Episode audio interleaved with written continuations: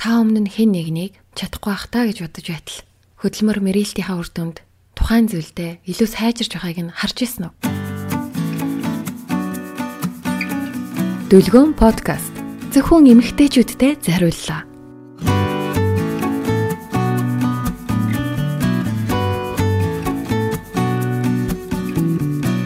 Дүлгөөн подкаст зөвхөн эмэгтэй танд зориулан дэлхий, байгаль орчин, улс орон, хөгжил, нийгэм, соёл урлаг, гэр бүл, найз нөхөд хамт олон гоо сайхан эрүүл мэнд, бизнес, спорт гэх мэтчлэн маш олон сэдвээр ярилцах болно. Хэрэглээгүй авьяас ууршдаг, ашиглаагүй булчин агшдаг, тогтоол ус өмхийшдэг, салхигүй агаар мууддаг, түлхээгүй цаг зогсдог, хинч орохгүй хаалга гацдаг. Харин хөдөлмөр хичээл зүтгэл олон удаагийн давталт авьяасгүй чадваргүй нэг нэгч бүтээн бий болгодог. Тимээс эрхэм сонсогч та өөрийгөө чадахгүй, мэдлэггүй чадваргүй гэж гололгүйгээр өнөөдрөөс эхлээд хичээх юм бол суралцах юм бол та мөрөөдлийнхаа төсөөллийнхаа мундаг нэгэн болж чаднаа.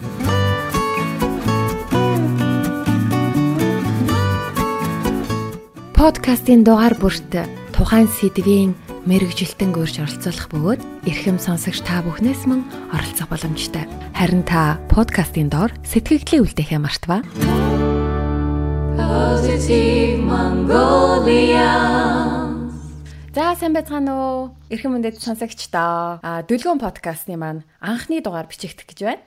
За тэгээ маш олон хүмүүсээс мессеж авсан, олон хүмүүс сонсохыг тэгсэн яа хүлээж байгаа гэсэн Ялангуяа энэ подкаст маань зөвхөн эмэгтэйчүүдэд зориулсан учраас манай эмэгтэйчүүд маань маш олон асуултууд, маш олон санаанууд, маш олон зүйлсийг мессежээр бидэнд илгээсэн байгаа. Тэгээд өнөөдрийн маань анхны зочинд оролцохоор За манай оролцож байгаа зочид маань өөр өөртөө танилцуулчих тий. За манай өнөөдрийн мэрэгжилтэн зочноор Сайн байцгаана уу намайг Од Гэрэл гэдэг би гэр бүл судлаач мэрэгчлээ.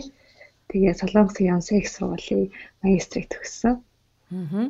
Тэгээ одоогоор гэртээ хүүхдээ хараад байж байна. Аа. За, манай зачин оролцогчоор эгчин хэлчих юм уу? Тийм, болно штэ. За, сайн байцгаана уу?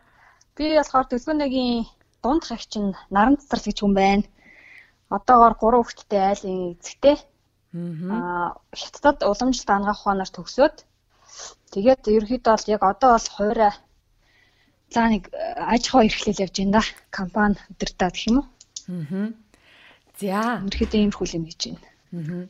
Манай өнөөдрийн одоо сонсож байгаа зочид маань за өнөөдөр манай энэ хэд маань юуны талаар ярих гэж ингээ гайхаж магадгүй. Өнөөдрийн маань ярилцахаар бидний сонгосон сэдв маань ирчүүд ямар эмэгтэйг хайрладаг вэ гэдэг сэдвийг сонгосон байгаа. Тэгээ эмэгтэйчүүдийн ярих сэдв бол маш өргөн үрээтэй олон зүйл байдаг. Энэ дундаас бас нэг том өргөн нэг сэдв нь ирчүүд ямар эмэгтэйг хайрладаг вэ гэсэн сэдвийг сонгосон байгаа. Тэгээд өнөөдөр мэрэгжлийн талаас бидний яриан дээр зөвлөгөө болон яг чиглэлүүдийг өгөх хүн маань манай гэрлээ байгаа. Би гэрлээгээд дутчих тий. Аа, тэг тэг. Аа харин манай сонсогчдыг төлөөлөөд бас тухайн үед яг өөрт бодогцсон асуулт асуултуудаа чөлөөтэй тавих онцгой эрхийг манай зочин оролцогч наран цэцрэл маань. За тэгээд хөтлөгчөөр дөлгөөн миний би өргөжлөл явнаа. За. Аа. За одоо бүгд ярианда орцгоё. За тий. За одоо асууя. Гэрлэгээс шууд асууя. Мэргэжилтэнгээсээ ирчүүд ямар эмэгтэйг хайрладаг вэ? Энэ үгийг сонсоод танд юу орж ирж байна? За нэгдүгээрт би ч одоо эрэгтэй хүн биш болохоор гэж хамгийн ихний бодол бодогдчихээн. Гэтэ хэрэв эрэгтэй хүн одоо мэрэгжлийн үүднээсээ ч юм уу эрэгтэй хүний онцлогоос хэрэв харах юм бол ясны хідэн судалгаа модлага жоохон харлаа л да. Тэгэхээр энэ дээр хамгийн нэгдүгээрт ерөөсөө эрэгтэй хүнийг хүндэлдэг эмэгтэй хүн эр хүнд хамгийн ихээр таалагддаг юм байна. 8 нэгдүгээр шүү дээ. Энэ дээр та хоёр маань юу гэж байна? Одоо бүгдээрээ хань ижилтэй хүмүүс шүү дээ, тий? Аа. Аа. Тэр хүн санал нэгдэж ямар төрлийн хүндлэл юм бол гэж бас зарим нь бас гайхаж ирээс магадгүй юм. Яг яахыгаа хүндлэл гэдэг байгаа ч юм уу, тий? Аха. Аха. Энд дэр би бол санал нэгдэж байна. Аа. Цацагч Одоо яг нөгөө ойролцоогоор нэг 6 7 жилийн өмнө уншижсэн болохоор яг нэг гарчийн нэг тоошны санахгүй байна. Ямар ч гэсэн утга нь бол нэг одоо нөгөө эрэгтэйчүүдэд хайрлагдах 10 эмэгтэй нэг нууц ч гэлөө нэг тиймэрхүү утгатай ном байсан. Тэрний яг яг хамгийн гол бас агуулга нь яг энэ хүндэлдэг эрэгтэй хүнийг хүндэлдэг эмэгтэй одоо яг эрэгтэйд хайрлагддаг гэсэн тиймэрхүү утгатай юмсан байхгүй. Тэгээд ер нь зүгээр тэрэндээс харж байхад одоо яг ямар утгаараа хүндэл гэдэг яриад байна вөхөр гэр бүлдээ одоо яг айлын өмөр төшиг тулгуур ар гэрийн одоо ноён нуруу. Тэгээ одоо энэ өөрөөр хэлбэл тэрэн дээр ингээд жишээлж ярьж байгаа нь бол та одоо тэр хүнд энэ гэрийн хаан гэж одоо таягийн одоо эсвэл нөгөө нэг тийм ингээд барьдаг одоо юу гэдэг ингээд нэг тийм ирч гэдэг юм уу те? Тэрийг ингээд яг альбаасаар өөртөнд гардуулж өгөө. Өөрөөр хэлбэл та ингээд тэр хүнийг ямар нэгэн асуудалд гарлаа гэж үзэхэд за тэр хүний ингээд үгийн сонсдог тэр хүнийг ингээд хүндэлдэг одоо ингээд хүүхдүүд нь ерөнхийдөө ингээ Монгол гэр бүл чинь за ялангуяа даа ялангуяа манай Монгол эмэгтэйчүүд ингээд бас нэг ийм хүн авлагаад шүү дээ. Аа аав чинь тэгдэг ингэдэг гэл нэг яг хүүхдүүдтэй шууд ингээл аавын жоохон муулах ч юм уу. Эсвэл шууд хажууд нь ингээл жоохон ингээл буруу шаадаг ч юм уу тий. Ийм хүн саналаа манлаа айлхоор дарах хэрэгтэй гэсэн нэг тийм хууртайгаа агуулгасан баггүй юу? Аа энийг надад бол тэр талаасаа бодогдож байна. Аа за. Аа. Тий надад болохоор яг тэр тал талаар бодлогч байгаас гадна бас дэмжих гэдэг үг аяг орж ирээд байгаа байхгүй юу? Хүндлэн гэдэг чинь бас дэмжихийг хэлээд байгаа юм байна. Бид нар хүндэлдэг хүнээ дэмжиж чаддаг юм чин сэтгэлээсээ. Тэрс одоо ингээд би одоо нөхөртөө болоод юм уу эсвэл нэр хүнтэй хамт удаан амьдраад ирэхээр бидний яг нэг хувийн зан чанарууд илүү их гарч ирээд тэг бүр миний нэгэ мэддэг болохоор зарим юм дээр дэмж савгаасаа чадахгүй юм чинь ч юм уу эсвэл тэр мэрийгээ хэд ихэнх даалангүй хэлэх нь бас тийм тааламжтай биш юм шиг байна. Аа за. Тэгээ нэг ямар ч лээсэн бидний эмэгтэй эхнэр хүмүүсийн үүрэг бол ямар ч лээсэн нөхрөө дэмжинэ. Аа. Аа тэгээд сонголтын нэр хүн энэ нөхөртөө өөрт нь өгөх юм байна. За би бол дэмжиж байна. Гэхдээ чи сонголтоо хийж гэдэг юм ба тий. Би чиний сонголтыг бол дэмжинэ. Ямар ч би батаар талчин байна тийм үү. Нэг юм за нэг 7 хоногийн дараа ч юм уу за би нэг балкона янзлнаа ч юм уу эсвэл хаалганыг янзлнаа гэл тэр үед нь За за гэл та тийштэй чадаараа ингээрээ тэгэрэй гэл дэмжих маягаартай тиймээс за хутлаа хэдэн өдөр ярьлаа та ч юм уу тийм. Тэгэл ингээд төрөг яриад хэлэх юм бол тэгэл нь дэмжлэг биш, дээрэс нь хүндлэл биш бол очиж байгаа байхгүй юу. Аа. Аа. Надад бол та хоёр ярьж байгаа юм яг ингээ хооронд амар уялдад сонсогдож байна. Нэрээ бас яг тийм байна. Нэрээ хүндэлж ижил яг одоо жишээлбэл нөгөө өөрийг нь чадахгүй гэдгийг мэдсээр үжиж үл хүндэтгээ чи чадахгүй штэ гэж хэлэлгүйгээр л хүндлээл аа за чи хийчихээ би чамаа хүлээж ийч гэдэг юм уу? Нэгэсний хүндлээд дэмжиж байгаа штэ. Биний чинь бас хийх бас тийм бас амархан бишмэн гэдгийг би өөрөө одоо айлын гэрээ болчиход айгүйх мэдэрч шít. Урд нь одоо номын дуйг сонсон буу онол практик ингээл хэрэгжүүлэл юм чи. Аа. Аа тэгээд дахиад хөндлөлийн дараа юу орт юм болоо? Та хоёрыг. Тэгсэн чинь хөндлөлийн дараа айгүй сонирхолтой нэг юм болохоор өөртөө ихтгэлтэй байдвал бол хамгийн том секси зан чанарыг илтгэдэг гинэ секси зан чанар гэсэн үү? Сексийн гэсэн үү? Секси зан чанар. Аа за. Тэгсэн чинь яагаад вэ гэсэн чинь би даасан эмгтээчүүдэд эрэгтэй хүмүүс аягүй дуртай байдаг юм байна. Тийм наад чинь би болцоо. Аа. Өөртөө итгэлтэй гэдэг нь би даасан гэдэг хэлбэрээр орж байгаа хгүй юу. Аа. Би өөртөө итгэлтэй гэнгүүт хүмүүсийн ихэвчлэн ойлгодог утга нь болохоор ямар вэ гэхээр Ямар ч лсэн за өөрийгөө лаг гэж бодох юм байна. Би хинээч дутхгүй гэж бодох юм байна. Тэгээ ийм л хамаар би өөртөө ихтэй байна гэж ихэнх хүмүүс бодд юм байна. Гэсэн чинь яг үнэндээ тийм чинхэн өөртөө ихтэй байдал нь болохоор өөрийнхөө давуу талыг мэддэг, бас сул талыг мэддэг хүнийг жинхэнэ өөртөө ихтэй хүн гэж хэлнэ. Тэгэхээр бид нар хөвчлэн давуу талаа аюу сайн мэддэг гэсэн мөртлөө сул талаа хүлээн зөвшөөрдөггүй хүмүүс аяг байдаг шүү дээ тий. Аа. Тэгээ би тэгсэн мөртлөө би угаасаа ийм би бол өөртөө ихтэй би өөртөө сэтгэл хангалуун би өөрийгөө өөрчлөхийг хүсэхгүй миний угаасаа байгаа нь энэ ч гэдэг юм уу тий. Аа. Тэгэхээр өөртөө ихтэй юм бол миний даваа талууд бол ийм бас миний засах хэвээр зан чанар бас ийм байна. Тэгээ би энийг бас засахыг хүсэж байна гэсэн тийм нээлттэй. Тэгээ өөр өөрхөө хил хязгаарыг мэддэг байх юм бол энэ бол жинхэнэ өөртөө ихтэй хүмүүсийн хайрыг татдаг эмгтэй гэж судалгаан дээр оншилсан байна. Аа. А энийг дээр нэг нэг юм нэмэдэлчихв. Тэгээ тэгээ. Аа ер нь бол одоо би ч бас гэр бүл тохиогоод одоо баг нэг 8 жил гарсан болж байна да. Тэгээ ер нь ингээ харж хахад ер нь бол яг өөртөө ихтгэлгүй эмгтээчүүд ч аюу хартай байдаг байхгүй. Аа. Ингээл одоо жишээлбэл за одоо намайг хаяа явчих уу, миний араар тавьчих уу одоо юу гэдэг чинь янз бүрийн буруу сүрэг болоод толгойд нь орж ирэл. А яг өөртөө ихтгэлтэй яг өөрийгөө олцсон. Хамгийн гол нь өөрийгөө олсон байхгүй. Өөрийгөө олно гэдэг чинь одоо нөгөө нэг лаг одоо зөвхөн ингээд нөгөө ажил мэргэжлийн хувьд хийж байгаа ажилдаа лаг гэхээс илүүтэй яг би яг одоо яг өөр хувьд яг юу миний хувьд хамгийн үнэт зүйл юу вэ? Би яг юуны төлөө амьдрах вүлээ? Би одоо шилэл хүүхдүүдтэй яг ирээдүг яг ямар соёлтой ямар хүмүүжлээ яг юу болох вэ гэж тэр болгондоо ингээ хариулт асуултаа өөрөөсөө байнга асуугаад тэрэндээ ингээ хариултыг байнга хайгаад тэрийг олж авч чадж байгаа яг тийм их эмгтээчүүд ер нь бол яг өөртөө ихтэй санагддаг байхгүй. Аа тэгээ яг энийг олж авч чадаагүй ер нь бол нэг манай ингээд бас Монгол эмгтээчүүд ч тийм ер нь ингээл ажиллаад хахад айгүй тийм нэгнийгээ дагалдан дуурах айгүй дуртайхгүй. Одоо ингээд нэг тийм жоох масс сэтгэл гэдэг юм уу. Аа. Одоо жишээлбэл тэнд нэг хүн ингээл үсээ урт тургуулаад үсээ том том ингээл ороогоо эхлэх юм бол а яг ингүүл яг гоё хартах юм байна гэдээ ойлгочтой. За тэнд нэмэгтэй хүн дүрфэл өмсөөл нэг гоё бариун пассаж өмсөөл ах юм ба. За би ингэж хослол илүү гоё хартах юм байна гэсэн ойлголттой. Яг нөгөө хувийн яг яг өөрийнх нь нөгөө стил, имиж яг өөрийг нь илэрхийлэх юм баг байхгүй ингээд бүр ингээ копи копи копи паст гэсэн юм шиг ерөнхийдөө хүмүүс ер нь улам л нэг тийм хүү шинжиндээ байгаа байхгүй юу? Ер нь ингээ ажиллаад хат. Тэгэхээр айл болохоор яг өөрийнхөө уг хүн хинбэ гэдгээ аягүй сайн ирэл хийлж хайж өөрийгөө олоод а тэгээ яг тэр үгээрээ ингээд өөрийгөө одоо эртэн үндэ өөрийнхөө хажууд байгаа хайртай үндэ илэрхийлээд а тэгээд нөгөөстөө саяны хэлдгээр гэрлэг хэлдгээр нөгөө давуу тал сул тал гэдэг өөрөө сайн мэдрэмжтэй тэрэнд аягүй хандаад тэгж л байгаа юм шиг байна. Ер нь одоо миний дүнлэхээр бол. За гэрлээ юу гэж бодож байна?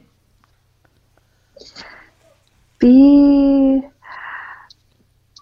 тийм бидний өөртөө ихтгэлтэй байдал гэдгийг энэ бас айгүй тийм чухал бас нэг том сэдв амар том сэдв байна тий. Хүн болгон шууд өөрөө ингээ олж мэдэх аюу хэцүү. Энэ багын хүмүүжлээс ахуулаад ээж аав хоёр нь хүмүүжлэхдээ юу гэж хэлдэг байсан? Яаж урамшуулдаг байсан? Ээж аав хоёулаа хамт байсан уу? Ээж аав аавын хайруудыг хоёулаа бүрэн сайн авч чадсан уу уу тий ангийнх нь хүүхдүүд найз нөхөд ямар хүмүүстэй байсан тий ирээдүйд ямар мөрөдөлтөс тийм бүх зүйлүүд уялдаа холбоотой байж иж ирүүлэр би яг ямар үн цэнтэй хүн бэ гэдгийг хүн ойлгож чадах юм шүү. Тэнийг хүн ганцаараа олох бас аюу хэцүү. Маш олон хүмүүсийн тусламж хэрэгтэй.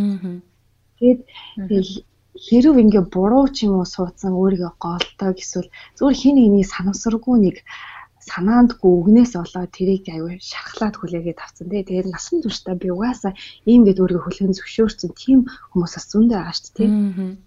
Аа. Тийм учраас хүн болгоно тэгэхээр одоо одоо мэдээж өнгөрсөн хүмүүст одоо юу хэлэх вэ? Ирээдүйд одоо бид нар өөрсдөө өсөж байгаа хүүхдүүдээ л тийм байлахгүй юмсан өөртөө ихтэй байлгасаа юу чаддаг, юунд сайн, юунд мундаг гэдгийг илүү сайн илэрхийлж зүгээр нэг нөгөө нэг хайрн дотроо юу л хайрн гадна хайрн дотроо хална гадна гэдэг лөө. Аа тийм. Яг эсрэгээрээ тий. Аа. Тий. Мэдээд байгаа мундаг гэдгийг мэдээд байгаа ингэж байгаа мөртлөөсөө тэрийг гаргаж чаддгүй. Аа. Гэтэ хүмүүсийнхээ магтаад яриад байдаг ч юм уу тий. Тэгэхээр бидний бас монголчуудын ялангуяа бидний залуу хүмүүс бидний нэг нэгэндээ илүү сайн үг хэлж сурах нь яг энэ эргээд би өө хин энийг үнцэнтэй болгож байгаа байхгүй юу? Аа бидний эерэг үгүүд те бидний эерэг бодлууд тэгэхээр чин бидний эерэг юм а хэлэхээс илүү дандаа болж өгөхгүй хэлэх аюу дуртай шүү дээ те. Аа. Аа. Ээж нар маань л одоо яг ийм тал дээр хүүхдүүдийг хүмүүжүүлэх тал дээр л анхаар маргаанда. За тэгээд энэ сэдвүүдийг ингээд цааш ярих юм бол хэдүүлээд бол ингээд энэ сэдв задраа дараа дараагийн дугаарууд дээр ярих бол бүрэн болцоо байгаа юм байна. Би сэдвийнхаа нэрийг бүр гачглаа бичээд авчлаа. А харин өнөөдөр яг нөгөө эмгтээчүүдийн маань бас сонсомоор байгаа нэг зүйл нь яаж таалагдаад байгаа залуудаа хайрлагдах вэ? Яаж эр нөхрийгөө дахиж өөртөө дурлуулах вэ? Эсвэл эр нөхөртөө яаж бүр ингээд хайрыг нь ундруулах вэ, тэ? Эсвэл бүр ухрааг байгаа таалагдж байгаа залууд, бандит яавал би одоо тэр хүний хайрын татах юм бол эрэгтэй хүн юу нь юу ямар эмэгтэйг хайрладаг юм бол гэж бодож байгаа хүмүүст өнөөдөр чиглүүлээд явчих уу. За тэгээд хэдүүл сая ингээ ярихдаа ерөнхийдөө бол дандаа ээж хүний эхнэр хүний өнцгөөс ярьлаа. Одоо нөгөө бас сонсож байгаа яг нөгөө бид нар чинь өмнө хүнтэй сухаас өмнөх байсан нөхцөл байдал дээр нэг толгуурлаад энэ талаар бас яриул октодоо сонирхож магадгүй. Аа. За тэгээд үргэлжлүүлээд дараагийн нөгөө гурав дахь нь юу байсан юм бол? гэрлэг яг шүү дээ. Тий. Хүндлэл бие даасан байдал. Аа тэгээд юу ухаантай гэж байна. Англиэр нэг intelligence гэдэг. Яагаад ухаантай гэсэн чинь эрэгтэй хүмүүс зөвхөн э, гутал, хувцас эсвэл одоо сүүлийн шоу янз бүрийн зурагтны мэдээлэлээс илүү тийм мэдлэгтэй хүмүүс засаг дуртай байдаг гинэ. Аа сүүлийн фэшн юмнаас илүү. Тэг яагаад вэ гэсэн чи эрэгтэй хүний хувийн нэг зан чанар болохоор ямиг заа ялан дийлэх аюу сонирхолтой зан чанартай. Аа. Заавал тий өөрсөө ч одоо юу чи яалж дийлж одоо баатарлаг нэг тиймэрхүү шин чанарыг харуулах дуртай байдаг учраас мэдлэгтэй охтойтой юм ярихаар мэтгэлцээд тэр хүнийг давхын тулд илүү уншиж судлаад аюу юу яриа аюу сонирхолтой байдаг гэж байгаа байхгүй юу. Тэгээд энэ ээл гэж сэтгүүлээс гаргасан сая 2018 онд гаргасан сэтгүүлийн юм дээрээс үндсэн юм гурван сая шинж чанар эрэгтэйчүүдийг хамгийн их татдгийн байна гэсэн тийм судалгаа гарсан байхгүй юу. Аа. Тэгэхээр эрэгтэйчүүдэд таахтанд бол бас мэдлэгтэй тал талын мэдээ байвал илүү сонирхолтой юм байна. Тэгээд бас өөр бас зөндөө олон чаднарууд байгаа байхгүй жишээлбэл хөгжилтэй байх юм хэрэгтэй гэж байгаа. Яагаад тэгэхээр амьдрал угаасаа уйтгартай юмар дүүрэн гэж байхгүй асуудал зөндөө байдаг. Тэгээ тэр болгон дээр ингээл гоо шигнал ингээл гомдлол ингээд байхгүй аюу хөвчлөлтөө маягаар өөрийгөө илэрхийлээд хэлэх үгээ хэлчихвэл тэр нэгтэй хүнээс аюу амар тусдаг гэж байгаа. Аа. Яг энтэй уялдуулаад манай үзэг үзэгч сонсогчдоос нэг юм асуулт ирсэн байгаа. Би нөө сонсогчдынхаа бүгднгийнх нь асуултны яг хэн асуусан гэдэг нэрийг бүгдийг нууцлахаар одоо тохирсон байгаа. Тэгээ дандаа хувьчилж мессежүүд илгээсэн учраас нэг сонсогч маань ингэж асуусан байсан. Найз залуутайгаа хоёр талд хоол амьдэрд юм байна. Тэгээд одоо нөө найз залуутай хоёр талд хоол учраас ингээл хардах ч юм уу эсвэл гомдох ч юм уу. Ер нь ингээд яг альтруны хэл дээр нөө гоншигно гэдэг шиг айгүйх тийм гомдлдог гинэ. Чи намайг хайрласангүй тэгсэнгүй юмсэгүй гэл.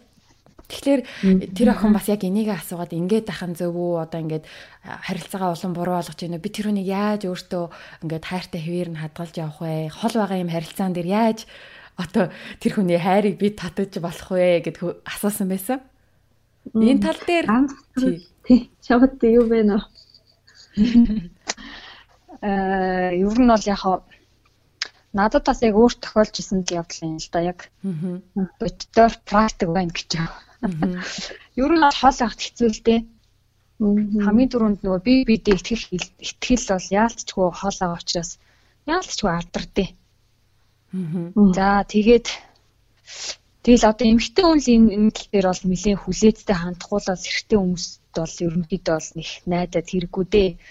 Эрэгтэй хүмүүс чинь тэгэл арай нөгөө эмгтэй хүнийг бодоход жоохон арай түргэндүү ч юм уу одоо юу гэдэг ч юм дээ Одоо яг ямар үгээр юм мэдэхгүй байна. Ер нь бол яг тэр тохиолдолд бол ер нь бол ингэдэг эмэгтэй хүн бол яг тэр тохиолдолд өөр айгүйх янз бүрээр ургуулж боддог байхгүй юу? Аа, баг болоогүй. За, тий. За одоо энэ яг тэгж байгаах ингэж байгаах та та та. Тэгээд айгүйх өдрөө алга уцсаар ярихыг хүлээн. Айгүйх хүлээлт тий. Тэгээд хүлээлтэндээ өөрийгөө айгүй ингээд бүгччихдэг байхгүй одоо чойлчдаг ч юм уу. Тэгэл одоо өнөөдөр ярина гэж хүлээгээл маргааш ярина гэж ярихгүй болохоор нь уурлал нөгөөдөр ярингуут нь ярьсан үуч хэрүүлхийгээл те. За. Гих мэтлэн гэ тэгээ тэгэхээр миний бодлоор бол яг тэр одоо хоол байгаа бүсгүй маань өөрөө нэгдүгээр өөрийг аюу сан даггүй байх хэрэгтэй. Аа жоохон зав гараад тэгэхээр л нөгөө нь одоо хэрэгтэй юм төсөөлөө. Тэгэл нөгөө төрөө хэрүүлээгээл ингэж байгаа оронд аль болохоор өөрийгөө завгүй байх хэрэгтэй Тэгээд дээрэс нь ер нь бол одоо сүүлийн бас сэтгэл судлаачтай аюул зөвлөдөг болсон байл. Янз бүрийн одоо зөвлөгөө өгсөн номнууд аюул сайн уншиж байгаач гэж би өөр нийтнээс нэлээ хараад байгаа хгүй. Тэгэхээр одоо монголоор бол монгол хэл дээр монголоос тагтдаг юм уу? Эсвэл өөрөө гадаадтайгаа бол гадаадтай байгаа тэр мэрэгжлийн хэл одоо нөгөө энэ номнуудыг аваад одоо яг эмэгтэй хүн өөрөө яг ямар зан ааш характертай байвал эрэгтэй хүн илүү тааламжтай дуртай байх уу? Тэрийг айгуу сайн бодолцоод өөрөө суралцчих хэрэгтэй байна. А тэгээд дараагийн миний боддог юм юу вэ гэхээр ер нь бол эмэгтэйчүүд чинь бас нэг ийм ном гарч ирсэн чинь Монголд нэг ангараг суугар гэдэг. А тийм эмэгтэйчүүд эмэгтэйчүүд нь суугар эрэгтэйчүүд болохоор ангараг гаргийнхан гэдэг. Аа гэрлээ уншаад хэлсэн. Ингээд бүр ингээд генээсээ энэ хүмүүс чинь тэс хүнлээ хоёр өөр ингээд хүмүүс ахгүй юу. Тэгэхээр эмэгтэй хүмүүс болохоор яг нөгөө эрэгтэйгээ өөршгөө бодоод Тэгэл одоо жишээлбэл би өөр ингээд нөгөө нэ айгүй их ингээд санаал хайрлаж байгаа бол энэ намаа яг ингээд санджих хэвээр хайрлаж хэвээр яагаад надад утдахгүй байна. Би өстой ингэж яах чинь ингээд яг тэгж боддог байхгүй. Аа. Тэгэхэд чинь одоо тэгэл ингэж дээ ингээд бас айгүй харьцуулж бодно, харьцуулж хандна. За ингээд хажуу талын ингээд одоо хамт сурж байгаа оюутан ч юм уу хамт байгаа хүний одоо найз залуу нь ингээд байн өдөр шин буцтаал тий ингээд яасан юм ингээл ярингууд яг нөгөө хүний тийм байх хэрэгтэй юм шиг хандаал энд ингээд ингээд хахад энэ яагаад надад ярихгүй болж гэдэг юм уу яг тэгэл ингээд харьцуулал хандаад эхэлнэ. Тэнгүүд чи нөгөө хүн хүний онцлог өөр. Заавал өдөр бол ярихтаа ч хэрэгтэй ч юм уу ч юм уу 7 хоногт нэг юм уу хоёр удаа чанартай ярьсан байх бас болох ч юм уу ч юм уу тэгээ тэрийг нөгөө тухайн үедээ өөрийнхөө айгу мэдрэмжээр л хандах хэрэгтэй асуудал болчиход байгаа. Тэгвэл яг хүн болгоно яг нэг л яг хүн болгоно нэг ингээ юутай юм шиг тэгж бас харж чадахгүй юм шиг байна. Тэгээд дунд нь бас болж өгвөл уулз боломжтой байдаг бол бас нэг уулзчвал бас зүгээр тийм хит удаан хол байв бас хэцүү. Аа. Гэрлэгийн явд. Тэг ер нь бол гэр бүлтэй хүмүүс тэр үргэж байгаа хүмүүс ер нь цаашаа суух гэж байгаа хүмүүс бол айл болох хамтдаа цагийг өнгөрөөх хэрэгтэй шүү гэж зөвлөмөр байна. Тэгээ хоол байх бол угаасаа хин хинд нь хэцүү. Тэгэд энэ бас харилцааг айгүй тийм ойлгомжгүй байлт хүргэдэг. Тэсүүлдээ яг яах гэдэг нь мэддэхгүй байлаас болоод бухимдлаасаа болоод хүлээлтээсээ болоод Тэгээд өөр өөртөө хоёр талд ингээд сайн ярилцаж чадахгүйгаасаа болоод зөндөө олон гоё харилцаанууд ингээд байхгүй болж исэн.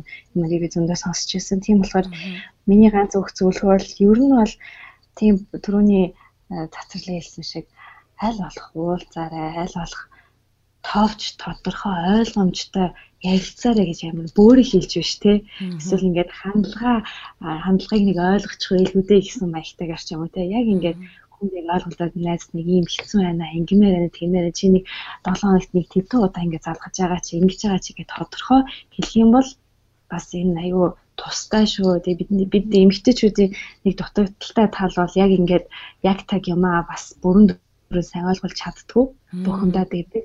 Архитектор хүмүүс нь болохоор бас яагаад ингэж авах гэдэг нь бас сайн ойлгож чадахгүй. Яг яах гээд байгаа юм бол гэдэг өөрхий сандралд орчоод идэг. Тэгтэн чи ингээд ингээд ингүүл би уурлахгүй ингээд тайван байж чаднаа гэд арга замуудыг бас хайртай хүмүүстэй сайн төвчээр тэгээд хэлж ойлгуулж өгөөсэй гэж юу хүсэж байна. Тэгхийн бол мэдээж харилцаа болгон холын зайнаас болоод мэдээж доторхгүй нь ойлгомжтой. Гэхдээ харилцаагаа аварч үлдэхийн тулд айл болох уулзаарай айл болох утсаар ч юм уу одоо бас аюу юм хөгжсөн байна шүү дээ.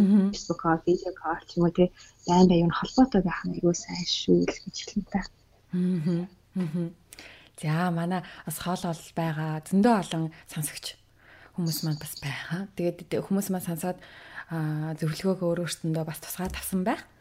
Одоо харин хэдүүлээ нөгөө залуухан октодтой чиглүүлээд нэг асуултыг би асууя. Тэр нь болохоор за одоо та хоёр маань одоо өөрсдөө яг 18 таа ч юм уу 20 таа ч юм уу те ганц ганц бие байна гэдээ бас төсөөлчихье. Би ч бас тэгээд төсөөлье.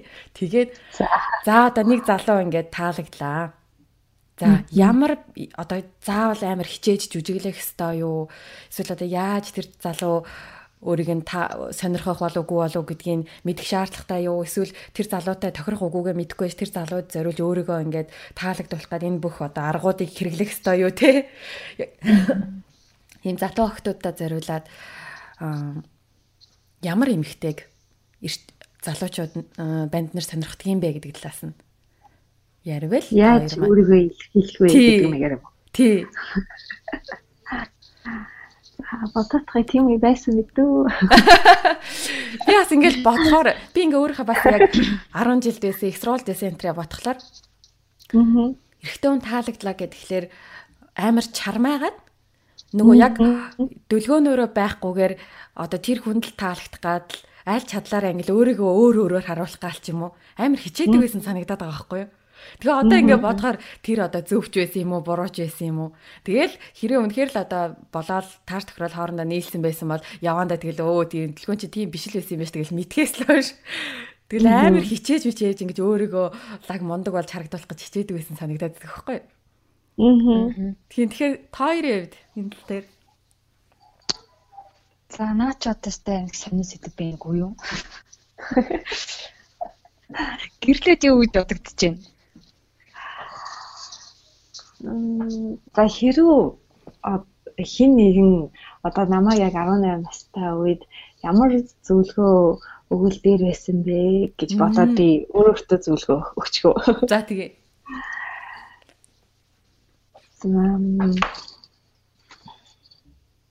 Тэг хамгийн эхлээд би ямар үн цэнтэй вэ гэдгээ ойл ойлгоосай гэж би өөр өөртөө хэлэх гэсэн баха. Тэгэхээр би 18 настай байсан бол надад яг ямар залуу хэрэгтэй байсан бэ гэдгээр тэрнээс би ямар залуу хүсэж ийнэ гэхээс илүү аа Тэг яагаад гэвэл хөвчлэн миний одоо харж байгаагаар ч юм уу аюу олон мундаг үнцэнтэй ухаалаг амжилттай явах эмгтээчүүд бас төдийлөн тэгж явж чадахгүй байгаа зарим нэг шалтгаан болохоор сонгосон найз залуу ч юм уу тий сонгосон эр нөхөр ч юм уу эсвэл уулздаг хүнээс нь болоод айгүй олон цаг хугацаа юм уу эсвэл өөрийнхөө үн цэнийг арай буруу талаас нь харсан болов уу гэж би дотроо дүнж явдаг байхгүй юу. Тэгэхээр хамгийн эхлээд чамайг яг байгаагаар чинь хайрлах чадах хүнийг олохын тулд би эхлээд өөрөө яг байгаараа байх хэрэгтэй байна гэдгийг л би өөрөөсөө хэлгээсэн баг. Аа байгаараа байна гэдэг нь чи яг байгаагаараа хин нэгэнд хангалттай гэдэг огтхоныг өөртөө суулгаж авах. Тэрнээс би тэр нэг лаг залуу ч юм тийм харагдах бол шаал өөр хүн болж өөрөөсөө өөр хүн болж ирэх ямар шаардлага байхгүй. Тэгээ түрүүний дэлгөөнийг хэлсэн чи тэртээ тэргүй тэр чинь угаасаа танигдна, мэдэгдэнэ. Тэрнээс яг байгаагаараа өөртөө ихтгэлтэй өөрийнхөө гоё давуу талыг харуулсан тийм эмхтэй байгаасай л гэж хүсэх багтаа. Аа. Аа. Цагт. Ер нь гэхдээ яг нэг 18 настай үед чинь нэг ер нь 16 17 18 чинь нэг нэг царайлаг залууч өдрөөл нэг шуураад идэв шүү дээ. Нийтээрээ юу? Нийтээрээ.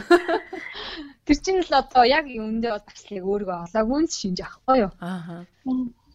Өөрт нь яг ямар залуу таалагддаг Тэгээд нөгөө залуу нь яг өөрийнх нь хүсэж байгаа нөгөө өөртөө яг хэрэгтэй байгаа залуу нь мөн ч юм уу гүүр ч юм уу ямар ч тийм одоо нөгөө бодол бодсон юм байхгүйгээр л нөгөө хажуудлага ногтод хөөрхөн тэр залуудаа гоё юм гингүүтэл аа нэрээ тиймстэй гэж айжм нууцхан нууцхан харсараа дурлцдаг ч юм уу. Аа. За өнөөдөр ингээд энэ яриануудаа ингээд сонссон чинь одоо нөгөө манай үзэгчдийн хүлээлтээр бол биш ээ сонсогчдын хүлээлтээр бол эрэгтэйчүүд ямар эмэгтэй хүнийг хайрладаг вэ гэл тэгэхээр хамгийн түрүүнд одоо тий секси одоо гоё бие авч явдаг цэвэрхэн царайлаг гэдэргээл тий эсвэл одоо одоо амар тийм гадаад төрхөөр ингээл дийлийнх нь бодож магадгүй юм. Гэхдээ үр зөндөө хүмүүс өөрөөр бас бодох байх л та. А тэгэхээр өнөөдөр бидний ярьж байгаа сэдв огт нэг ч удаа царай зүс өмсөн хувтас тий тиймэрхүү юмны талаар огт ярьсангүй дандаа юм эмгтээчүүдээс дотроос нь өөрсдөөс нь шалтгааллах тийм өөр талаас нь бид нар ярьж байна. Тэгэхээр хүн болгонд эрэгтэй хүнийг татах боломж байгаамаа гэдэг нь бас энэ ярианаас амар сайн ингээд бодогдож байгаа байхгүй тий. Тий. Наад чинь би бас яг нэг юм санчлаа. Би бас ингэж өөргөө зоригжуулдаг байхгүй юу? Ер нь бол ингээл яг аа яг ингээл 100% за 100% биш юмаа гэхэд аюуллаг дажгүй гоё сайхан бийтэй, царай цусайтай. Тэгэл одоо юу гэдэг ерөөхдөө нэг гаднаас харахад нөгөө гадаад талаараа бол их дажгүй сайхан бүс хөөж харагдахаар хүмүүс хүмүүстэй одоо юу гэдэг чинь ингээл тийм хүмүүсээ таарлахаар ингээл ер нь бол нэг тийм би хаана гой биш байлаа өндөр биш байлаа гэсэн. Ер нь бол их эмгтээчүүд ингээл татраа нэг би чи юу лээ гэж нэг тийм бод хандлага байдаг дээ. Аха. Тэгээ би чи нөгөө урд оюутан байхдаа нөгөө оюутнууд чинь ингээд айгүй олон хятадууд чинь нөгөө хятадууд ер нь орон сууцнд нь халуун ус нийтийн халуун ус гэж байдаг байхгүй юу. Тэгээд дандаа нэг тийм нийтийн халуун усанд ордог тийм зуршилтай Тэгэл бид нар чинь нөгөө ингээл хагасаан бүтэнсэнд нийтээ халуун усанд орно. Баахан шалтгаан хүмүүс хараад. За. Тэгэл нөгөө юу ихэд нөгөө баахан шалтгаан хүмүүс чинь дээрээс нь доош нь баахан шинжтэй бааз тэ хараад хараад байна. Тэгээ би би ч урт баг 7 жил сурсан. 7 жил харж харж байгаа. Яг сүүлийн жилдээ нэг юм ойлгож байгаа байхгүй. Тэгээ юу гэж ойлгосон бэ гэхээр за би ингээд хэрвээ би яг тэр үед бол хүнтэй суугааг байсан л та. За би ингээд ирээдүйд ингээд хүнтэй суулаа гэж бодоход за надад тийм сайхан орцоос нь сайхан бөгшин алгаа. За тийм тулаас нь сайхан хоёр мем нь алгаа. За яг нэг арай гайгүй зүс тариа байна. За нуруунд тийм сайхан өндөр биш урт сайхан хөл алга. За яг гадаа талаараа ингээд харьцуулах юм бол би бол өрсөлдөөд ер нь бол ер нь баг сүүлийн одоо хийддэг байранд ч авах юм даа. Ер нь тэр хавцаал юм байна. Одоо тэгээд за энэ хүмүүстэй ч одоо би юугаараа өрсөлдүүл одоо би яавал одоо нөгөө нөхрөө араар тавиулахгүй хүн шиг тэгээ айлын сайн эзэгтэй нөхөртөө ингээ хайрлуулах юм болоо би аюулт гэж боддог гэсэн аахгүй. Тэгээд нэг юм бол би аюул сайн ойлгож байсан. Хизээч гадаа талаар бол өрсөлдөд барахгүй мэн. Барахгүй. Тэ. Одоо жишээлбэл миний хажууд нэг сайхан нэг айгүй хөөрхөн өгцөгтэй лаг хөөрхөн хөхмөгтэй хүүхэн ингээл усанд орж байгаа байхгүй. Энэ яас хөөрхөн хүүхэн бэ гэж бодож ил цааталт нь тэрнээс гоё хүүхэн ахяал гараад ирж байгаа байхгүй. Усанд орж байгаа шүү дээ. Ингээд ингээд харангуут чинь тэр гоё харагдж байгаа тэнд бас нэг гоё энд нэг бас нэг гоё харагдаад байгаа байхгүй. Тэгэхээр тэр бол гадаа талын үүсэн жидэг бол угаасаа худлаа юм нэг би итгэд аюул сайн ойлгосон байхгүй. Тэгэхээр ерөөсөө л яг нөгөө түрүүний гэрлэгийн хэлдгээр нөгөө ухаан Аа одоо нөгөө нэг өста нөгөө зарим хүмүүс яриад байдаг хатан ухаан гэдэг. Ер нь бол тийм жоохон аль болохоор нэг тийм нэг дунджийг олдог. Тэмцрий ер нь юмны ингээ аягүй сайн тэмцрийг олж чаддаг. Хит ингээд эрэгтэй хүнийг хайрладаг биш. Хит ингээ бас хатуу загнаад идэг шиг ингээл дандаа бүх юмны дунджийг олдог байвал ер нь бол тэгэл яг болох юм шиг надад санагдаад бас үлээд. Аа. Яг наатхантай ч уйлдуулаад за Гэрлээ ярих гэсэн үү? За яар яар. Гэ түрүүн чи надад нэг асуулт явуулсан байсан шүү дээ тий. Хит их халамж хэрэгтэй. Яг үнэ надад. Тий, яг надад асууж яг асуух гэсэн тий. Залхаадаг байхгүй юу? Залхаа би одоо амьдралын туршлагаас харахад бол залхаа уус тийм халамж сайтай эмгтээчүүд бас их байна. Ялангуяа манай Монголд. За одоо энэ бол яасчгүй ёс заншилтай холбогдолтой. Гэрийн гэрийн эзэн одоо хүнлэх ёстой бүх юмын дээш нь ингээ өргөж явах хэвээр цай барьж явах хэвээр яаж явах хэвээр гэдэг энэ уламжлал маань орчин үед шилжээд ирэхээр бас миний бодлоор бол яг харьцангуйгаар энэ бас арай ингээ таахгүй. Яа тэгэхээр эртний эмэгтэй хоёул яг зэрэг ажил хийж байна. Өглөө гараад орой зэрэг ирж байна. Тэгээ хоёулаа ингээ 3 4 хүүхдийг зэрэг өсгөж байна. Тэгж яхад яагаад эмэгтэй хүн ингээ бүх юмыг хийгээл ингээ ах хэвээр. Хоорондоо ярилцаж тохиролцоод яг ажлуудаа хувааж аваад За жишээлбэл төлбөр мөнгөний асуудал дээр шигнэ. Би тэрэн төлөө чи тэрийг хариуцж ав. А би энэ хий чи энийг хариуцж ав. Гурван хүүхдээ байвал чи нэг нь ав, би хоёрыг авъя. Эсвэл яадаг чи ингээд тохиролцохгүй. Тэгэл ээж нь ажиллаа ингээд өдөржингөө хичээл оройн гурван хүүхдээ бүгднийг энэндээс авдаг ч юм уу. Эсвэл тэгэл яадаг орой ирэл хоол ундаа гэж ээж юус тийм ээж л гэсэн ойлголт бас баг байна харцангуй. Халамжлах гэдгийг нөгөө зүгээр одоо энэ бусад ажлуудыгаа өөрөө төрүүлж урдуур орж хийснийгээл би бол энэ хүнийг халамжлаад байна гэсэн юм юу бас анзаардаг шиг анзаардаг амар санагддаг. Халамжлахын дотор бас ингээд арай өөр янзаар те. Халамжлан гэдэг нь заавал хоолыг хийчгүүгээл эсвэл хүүхдээ төрүүлж өөрөө хараал гэр орно өөрөө зэгцлээл те. Тэгээд авах биш үү. Арай нэг өөр байдлаараас ээж болох бах те. Нийтлэг байдлаар хараад талаар халамжлна гэд өөрөө бүх юмны ордургүйгээд амар ядраад сүлд ихтэйж ядарсныхаа дараа би энэ амьдралын төлөө бүхнээ зориулгаад эргээд чи намайг ингэж байгаа мó ч гэдэм үү те. Аха. Нэг иймэрхүү юмнууд гараад амин санагдаг. Одоо яг энэ нөгөө ажил хийж байгаа хүмүүс нь шүү дээ. За гэрлээ. Гэрлээ. А за яг энтэй холбогдуулаад юу халамж яг түрүүний илгүүний хэлсэн шиг халамжийг хүн болгон бас харьцангуйгаар өөр өөрөөр ойлгож байгаа бах тий. Аа нэгнийх нь хувьд хоолыг аягалж дээж нөхөх нь халамж гэж бодож ил нөгөөтг нь тэгээд халамж гэж харахгүй бол энэ чинь бас асуудал бол очих байхгүй тий.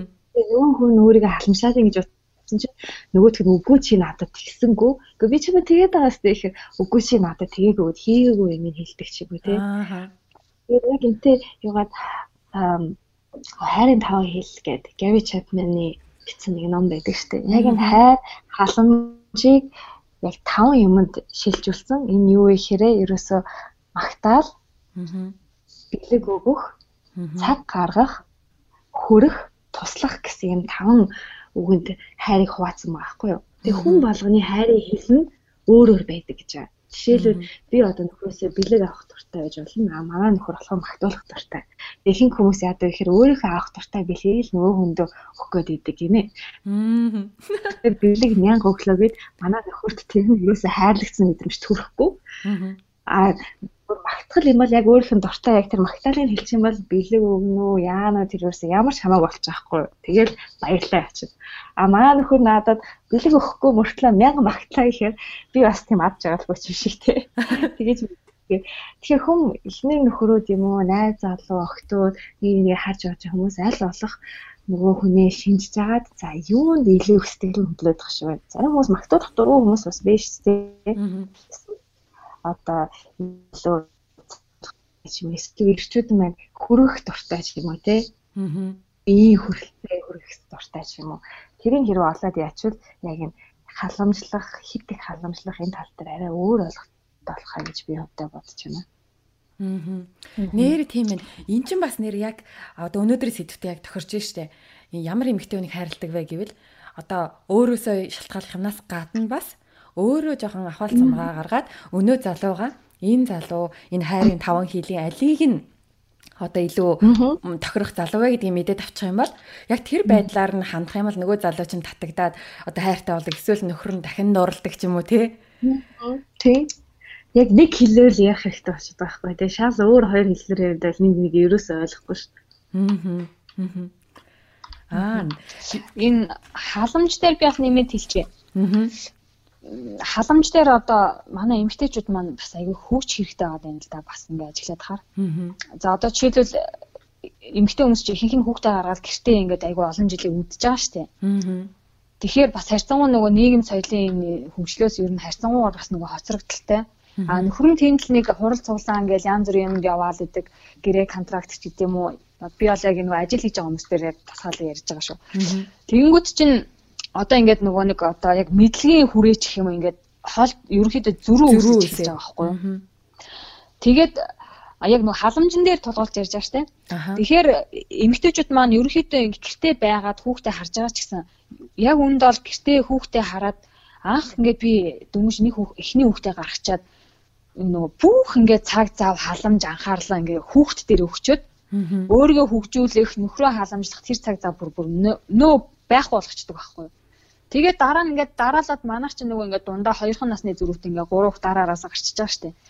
Тэгэд ганцхан хүүхдтэй байж би ерөөсөө ерөөсөө олон юм амжуулж чадахгүй ингээд өдөржингөө хүүхдээ гадаа гаргаад баасын нугаагаад нэгжитл өдөр өнгөрчдөг. Ийм байж итл хоёр хүүхдтэй болсон чи яана одоо би яана гэж бодчихсон чи хоёр хүүхдтэй бүр өшөө илүү их юм амжуулдаг болсон. Ахиа гурав хүүхдтэй болсон чи гурван хүүхдтэй гурван жоох хүүхдтэй мөртөл давхар ажиллаа амжуулаад давхар нь хүрээ халамжлаад бүр юу вэ амар олон юм амжуулж болдог байгаа байхгүй юу. Тэгэхээр ер нь бол яг ингээд сонсож байгаа яг ганцхан хүүхэдтэй хоёрхан хүүхэдтэй хүмүүст бол та нар бол одоо тийм хүүхэдтэй хүмүүс бол баг хүүхдгүй юм шиг л та нар цаг байгаа л гэж ойлгох хэрэгтэй. Нөгөө тэр хүүхдүүдэд амар хамаг цагаар зарцуулаад байдаг аахгүй. Тэгэд ерөөс яг өөрийгөө хөгжүүлэх цагийг заавал гаргаж явах хэрэгтэй юм шиг санагддаг юм битэн. Тэгжиж нөгөө нөхөртөөгөө нэг ойролцоо байр суурин дээр ингээд нэг хол зүрсэн зайг арай жоох ойртуулж эхлэхээр нөхрийн хамгийн гол нь ажлыг ойлгож байгаа байхгүй. Тэгэхгүй ингээд хөгжлөөс ингээд хит тасарчгаар чинь нөхрийнхээ ярьж байгаа юм ойлгохгүй болохоор ажилтны чөлөөтэй явуулахгүй. Одоо ингээд жишээлбэл нөхөр нь ингээд нэг асуудалд орчоод одоо энийг яах вэ гэж бодол олж явах тажуунаас нь тэс хүндлэн гэр орны одоо нэг хэрэгтэй иргүй маяраал одоо энийг тэгмээр хаад чи хайч гадаг шүн орой болтол ингээд 1 2 цаг хүртэл ингээд суугаал маргаашин гэрээ контрактны бичих шаардлагатай ажил хурдан яриач чи гэж ингээд уцтаал хайччтэй ингээд ингээд байвал нөгөө ингээ ажлыг нь ойлгохгүй ямар хэрэгтэй материал бэлдэж байгаа гэдгийг ойлгохгүй тэгэл ямар ч хэрэг болж байгаа. Тэгээ эн чинь нөгөө баг багаар нөгөө эрэгтэй хүнд чинь нөгөө ямар ядаргаатай ямар тесттэй ингээ хайрын хөрөнд нь зай үүсгээл тий. Нэг иймэрхүү байдлаар тэр хөвч хэрэгтэй. А хоёрдугаарт нь болохоор а бас манай монгол эмэгтэйчүүд би бас сайн нэг хальт ярианда дурдсан. А манай эмэгтэйчүүд ингээ халамжил чаламжилсаар хагаад өөрснөө яг ээж шиг болчдөг байхгүй. Аа. Яг л нэг ээж нь хүүхдээ асарч байгаа юм шиг За бараг л хоолын амд нь хийж өгнэ. Нөгөө анх ингээд суухдаа бид нар чи ихнэр шүү дээ. Ингээ хайртай бүсгүй. Тэгээ ингээ явцын нуун ингээд хэдэн жилийн дараа болоход ээж нь бол хорчиж байгаа байхгүй. Тэгээ би яг тэрийг нэг ном дээрээс өөрөө сүулт нь шүү дээ. Яг үнэн байгаа байхгүй нөгөө миний амьдрал дээр батлагдчихад үгүй би өөрөө бол тийм нэг тийм биш. Зүгээр ер нь ингээд нөгөө ингээд ажиглаад хахад тэгээс үс нөгөө номноос уншсан чи яг ингээд батлагдж байгаа байхгүй. Тэгээд нөгөө ингээд эмхтэн хүн чи анх эхнэр хайртай байсан яг тэр байр сууриа ингэж олон жил хадгалж авч явна гэдэг чинь эмэгтэйнээс айгүй ухаан шаардтай юм шиг байна. Аа. Тэгэхээр ээж байр суурин дээр бити очиосай очиорой гэж зүйлмээр. Аа. Тэгвэл бас ээж нь болчих юм бол нөгөө нэг эмэгтэй хүн байх талаас хайрлуулах тэр зүйлээсээ одоо хомслуулнаа л гэсэн үг юм байна шүү дээ, тэ? Сонсож байгаа хүмүүст бол Одоо чи ингээ бацхан хэлгөөнөө ингээ ээжигээ эртэн хүн, ээжтэй эртэн хүн дурдах уу? Дурлаж хайрлаж татагдаж. Харин тий яг тэр талаас би хэлээд байна тий. Зүгээр шууд тэгэж хэлсэн. Харин тий. Тэгэхээр а мэдээж хайртай байна. Гэхдээ нөгөө эмэгтэй хүн гэдэг талаас нь тий одоо сайхан бүс хайхан бүсгүй миний хайртай хань гэдэг талаас нь хайрлалт орлого нь багсах нь байна шүү бүсгүй ч үдэ гэх гээд байгаа байхгүй. Ааха. За гэрлээгээ. Одоо ямар сэдвэр ярьж байгаа вэ? Гэрлээ чинь сая хадамжаа ярьсан шүү дээ. За тэгвэл би дараагийн нэг асуултаа тавья. За тэр нь болохоор бас одоо эмхтэн хүн ямар эмхтэн хүнийг ирчүүд хайрладаг вэ? Сэдв дотор нэг асуулт байна. За аа эмэгтэй хүмүүс за одоо бид нар нөгөө нэг бүгдөө л хүнтэй суудсан насныхан байгаа учраас одоо тэр тал руу төлхөө ороод байна уучлаарай сонсогчтой. Тэгээд за суухаасаа өмнө их сайхан байлаа. Маш гоё хүн байлаа тий. За тэгээд маш гоё ааштай байлаа. За өөртөө арчаатай байла. Суусны дараа мэдээж энэ ажил амьдрал тэгээл зөндөө проблемууд гарч ирнэ. Хүүхдээ өсгөх, гэрээ орноо авч явах, тэгээ нөхрөө халамжлах гэл энэ олон зүйлсүүдийг амжуулахын явцад эмэгтэй хүмүүс нөгөө нэг жоох уцаартай болдог штэ тий. Ер нь ингээл анзаараад хахад. Өмнө нь ингээл найланхаа тий хайраа маараа гэдэг байсан бол нөхөр нь яг өмнөшгөө ингээл хайраа нэг тэгээдгөө шин чадахгүй өөрөө тгчээчтэй ядагаа тий дандаа надаас суух юм чи тийм үү тий. Одоо нэг юм нөгөө хүний нөө найланхаа байдал нь алдагдаад нөгөө эрхэлж тондог нөгөө нэг сайхан ааш маш нь багсчдаг юм шиг надад санагддаг.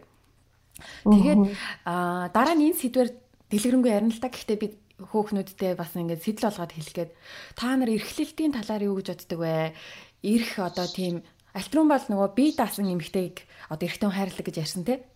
Гэхдээ бас нөгөө хит бие даасан эрэгтэй хүнийг биш эмэгтэй хүнийг эрэгтэй хүн харахлаараа за за би энэ эмэгтэйнд хэрэггүй мөн натаа надгүй явчих юм байна уу гэд нэг тийм жоохон орхих магадлалтай юм шиг надад санагдаад өгөхгүй. Нэг жоохон бас эрх турхан гэдгээ бас би чи эмгтэй хүн шүү гэдгээ эрэгтэй хүндээ сануулж явах юм бол нөгөө хичнээн суугаад удцсан ч гэсэн те хугацаа өнгөрсөн ч гэсэн энэ надгүйгээр юм хийж чадахгүй эрхнэрээ илүү хайрладаг ч юм уу те бас нэг тийм жоохон зөөлөн эрэх найланхаа тийм ааш эмгтэй хүнд байж ир хүнийг татдсан болоо гэж би бас боддیں۔ Тэрийг та хоёр юу гэж боддог вэ? Хин нэглэх юм. Чи хэлэх юм уу? Чи хэлэх юм уу? Санал байна. За. Тэгээд эмгтээчүүд хөрхи нөө аах суус сууснаас хойш айгу мундаг хүн болох гол тэгэл би айгу би чадна ингэн тийм би өөрөө хин ингэсээр гал нэг мэтгэд нөгөө эрэгтэй хүний шал ингээд өөр хүн болох штеп байх л та. Би одоо хаяа бас заримдаа яг тэгж боддтой. Анханасаа би чадахгүй, ингэхгүй, идэхгүй гэдгээрээ байхгүй. Нөгөө нөгөө хүний л амьдаа хайрлаад тий. Бүгдийг л өөрөө таад тий. Дараа олчихгүй гээл за зэнийг хийж хаа би өөрөө хийж юм эсвэл хийж гэсэрэл нөгөө эрэхтэй нөгөө заал юм чинь угаасаа ингээ өөрөө хийчихсэн гэжтэй юм тий. Тэгэхээр бид нар өөрсдөө хилдэг үг ярианаас эхлээл өөрчлөгдөх хэрэгтэй байхгүй. Яг нөгөө нэг суухахаа өмнө цэцэг аваад амар гоё ямар гоё юм бэ гэж баярлаа гэлтэй суустайхаа дараа цэцэг авах чи яах гэж юм мөнгөнд өгч байгаа юм чи үү Тэгэж тэгчэл дараа нь цэцэг ав цэцэг ч авч өгдөггүй гэж дараа нь гомдол шилдэг ч юм уу тийм. Яг ийм байрсанд эмхтэн ус бид нар өөрсдөө нэ эргэтэн хүнийг аюу тийм толгойн нийлүүлжтэй юм санагдаж байна. Аа. Тэгэхээр бол аа тэр зөөлөн эрх зөөлөн тэр чанарууд эмхтэн хүнд байснаар эрхтэн хүнийг татах болов уу гэдэг дээр та хоёр. Энэ дээр ч одоо яг нөгөө бүрээ тодорхой дараа нь бол мэдээж дэлгэрэнгүй ярих гэж шүү дээ. Аха. Тэгэхээр ерөнхийдөө зүгээр би бол өөрөө яг өнцгөөс аа зүгээр нэг жишээтэй л ярьчих гэж бодож байна. Бодиттой жишээгээр. За. За маа. За манай нөхөр дээр ч одоо бас суугаад 8 жил болж штэ. Аа. За тэгэхэд чинь би ч ихтэй чиний яриад байгаа бол ер нь айгүй ирэх байхгүй юм хөштөө. Аа. А гаднаас намайг харах юм бол хүн амар ажил хэрэгч Үгүй та яриа марианаас түс тас төмбө шанаг.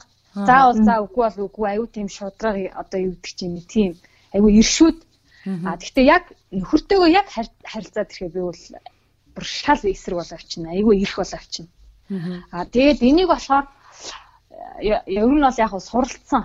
Анхнаас бол би юм байгаагүй. Анхнаас бол би яг ингээл 100% нөгөө өстой түрүүний хэлдгээр нөгөө хит ухаантай юм шиг тэгээд нөгөөдгөө ингээл амар илэрхийлж мэлэрхийлдэг тийм нэг нэг амар тийм нэг зарчимч иршүүд нэг тиймэрхүү байсан байхгүй.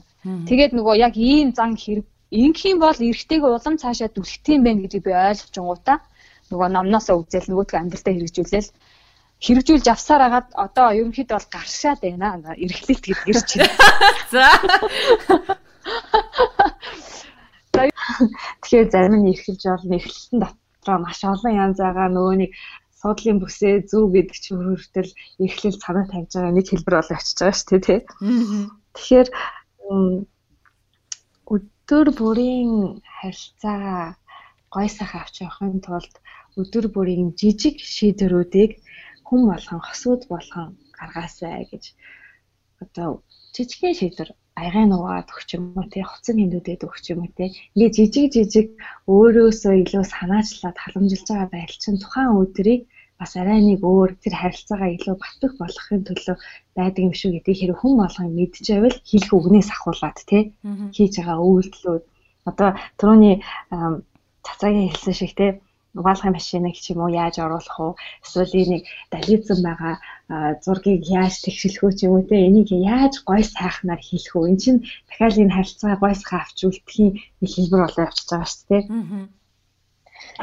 Тэгэхээр өдөр болгоол ямар нэгэн зүйл харилцаанд чармаалт гаргахын төлөө хичээх хэрэгтэй юм билээ. Тэрнээс одоо нэгэнт суудсан юм чинь нэгэнт угаасаа ингэ суудсан юм чинь нэгэ болондоо гэсэн маягаар биш. Яаж өнөөдрийг гоё яаж жаргалтай гоё нэг нэг илүү гоё таньж мэдсэн. Яаж илүү одоо өнөөдөр яаж илүү гоё хөлөө гоё яаж тавих уу ч юм уу тийм утгасаа өмнө хөрөлддөг гэдэг шиг.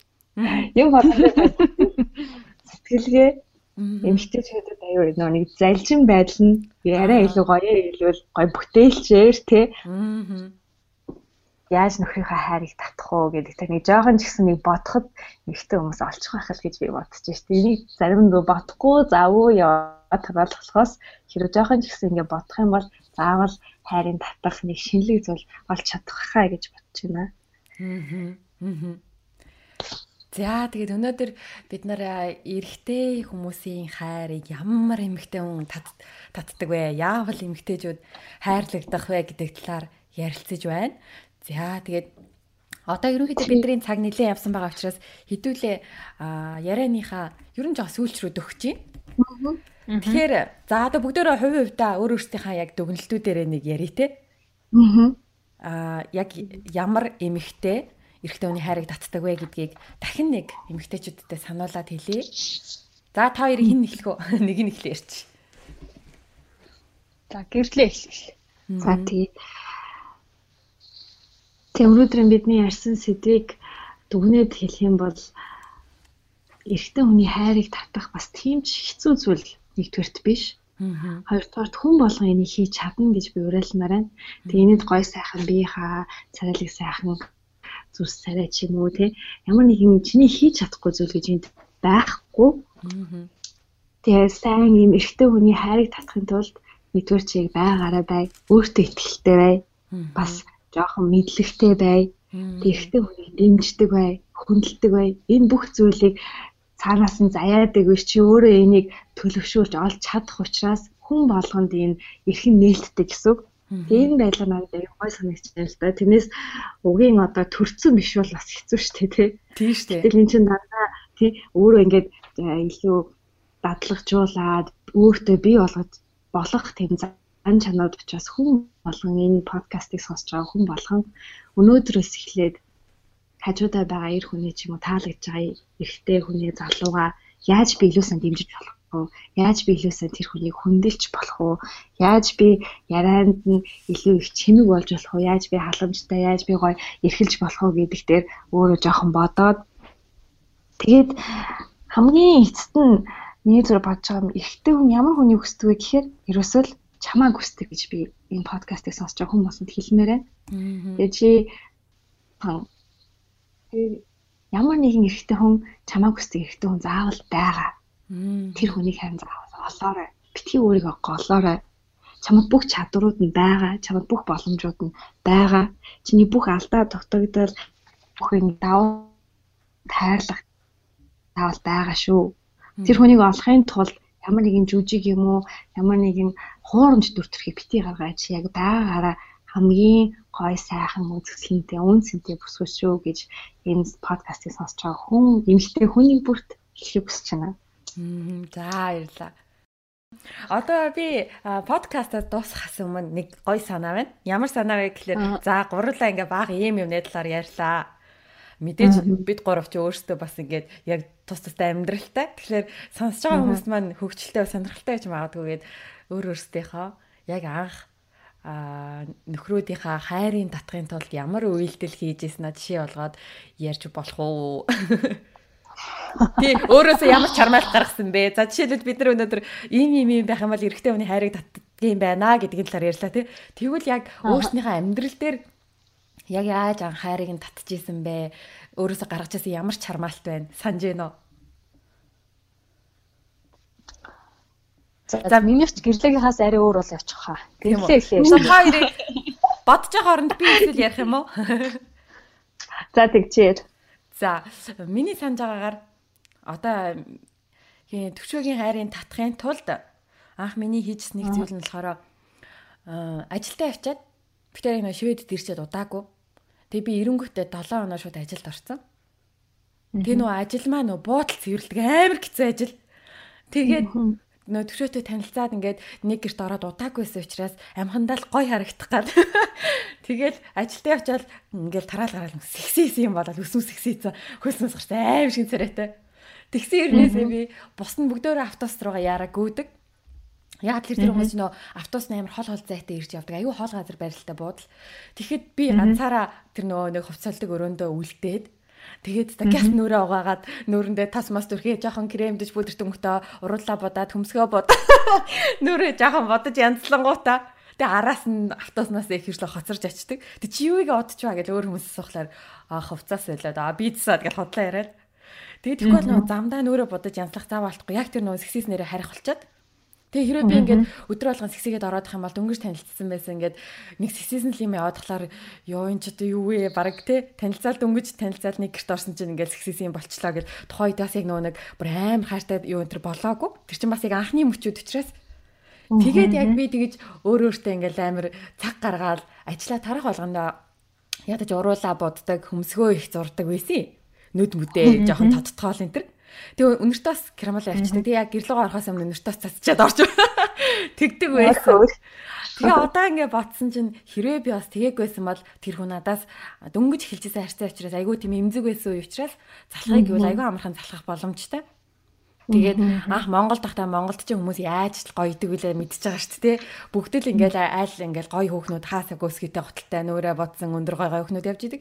Яг тийм нөөцтэй хүйтэй байж байгаа гинэт шивэд төрөөдөрөнгөт юм задгаа юм чөлөөтэй нэг гангалтгүй хүмүүс донд ирсэн ч гэсэн нөгөө анхныхаараа жоохон өөртөө анхаарал тавьдгаараа тавихгүй бол шууд ингээд болчих юм бол энэ хүн ингээд надаас салхачиж магадгүй гэж боддөг байсан. Одоо бол мэдээж нөхцөл байдал өөрлөлтөө бие бинийг оол ингээ ойлгодог болсон хугацаа өнгөрсөн тий. Анх бол яг тэгэж өөртөө нэг жижигхэн сайжигхэн анхаарал тавьдгсэн юм байна. Хайрыг нь татах гэж. Мондөг юм. Аа. Гэрлэгийн үед. За. И та энийг яг гэрлэгийн нөхөр нь юу хийдэг юм бэ? IT компьютер. Аа. Аа би нэг суусныхаа дараа нэг асуужсан яг яагаад надад ингэж суухаар болсон юм бэ? Юу илүү таалагдаад ингэж суухаар болсон юм аа? Битгаар чи бас аягүй сүулт суусан манай нөхөр 34 настай та одоо битгаар одоо суусан гэх юм уу? Тэгээ нэлээ орой аа болж байгаа юм. Тэгээ энэ олон жил одоо яагаад ингэж суух гэдэг надад суучаа гэдэг нэг асуужсэн. Тэгсэн чинь бүр нэг дээрээд нэг 5 6 жилийн өмнө надтай уулзаа тэгээд битгаар нэг яриан дундаа ярьчихсан чинь маань нөхөр ингэж хэлсэн байл та. Би одоо ингэ ирээдүйд мөнгө цаасгүй болоод ч юм уу эсвэл ямар нэгэн юм боломжгүй болоод чамайг тэжээж чадахгүй ч юм уу эсвэл ингэ амьдрал хэцүү болвол яах вэ гэж бодсон юм. Тэгсэн чинь ерөөсө тэрийг нэг сайн бодож матахгүй шууд өө тэр хамаагүй хамаагүй тэгэл мөнгө зөнгө олж чадахгүй би ядэрсээ тэр мөнгө олчин гэж чамайг тийжгээд явчихна гэж хэлсэн гинэ тийм өөрөө ерөөсө тэрийг андгүй байхгүй юу тэг яаж тэр яг тэр үгийг хэлсэн бөө бид өстө бурхал төсөлсөн ерөөсөө ингэ талгаад навчсан гинэ ерөөсөө энэ хүн ямар ч үед хаяхгүй байна натайхан дэж миний арт тал байж чадах юм байна гэж ботцсон. Тэгээд битгаар хаах уулзч тэгээд 5 6 жилийн дараа бүр дахиж уулзаад тэгээд битгаар суусан байхгүй. Тэгээд тэр үгэл тэр дотор нь яваалсан. Тэгээд өөр хүмүүстэй уулзаал ингэсэн чинь ерөөсө тэр шиг тийм хариулт хэлсэн хүн ерөөсө байгаагүй гинэ. Аа. Тэгэл би ямар азар тэр үе тийм юм хэлсэн бол. Тэгэхээр нэг тийм нэг ихтгэл өгсөн юм шиг байгаа. Тэгэл сэтгэл нь хөдөлсөн юм шиг лээ. Аа бүр нэг хүний хүний зүгээр хариулт өртөл эрэхтэй хүний хайрыг татдаг байх нь шүү дээ.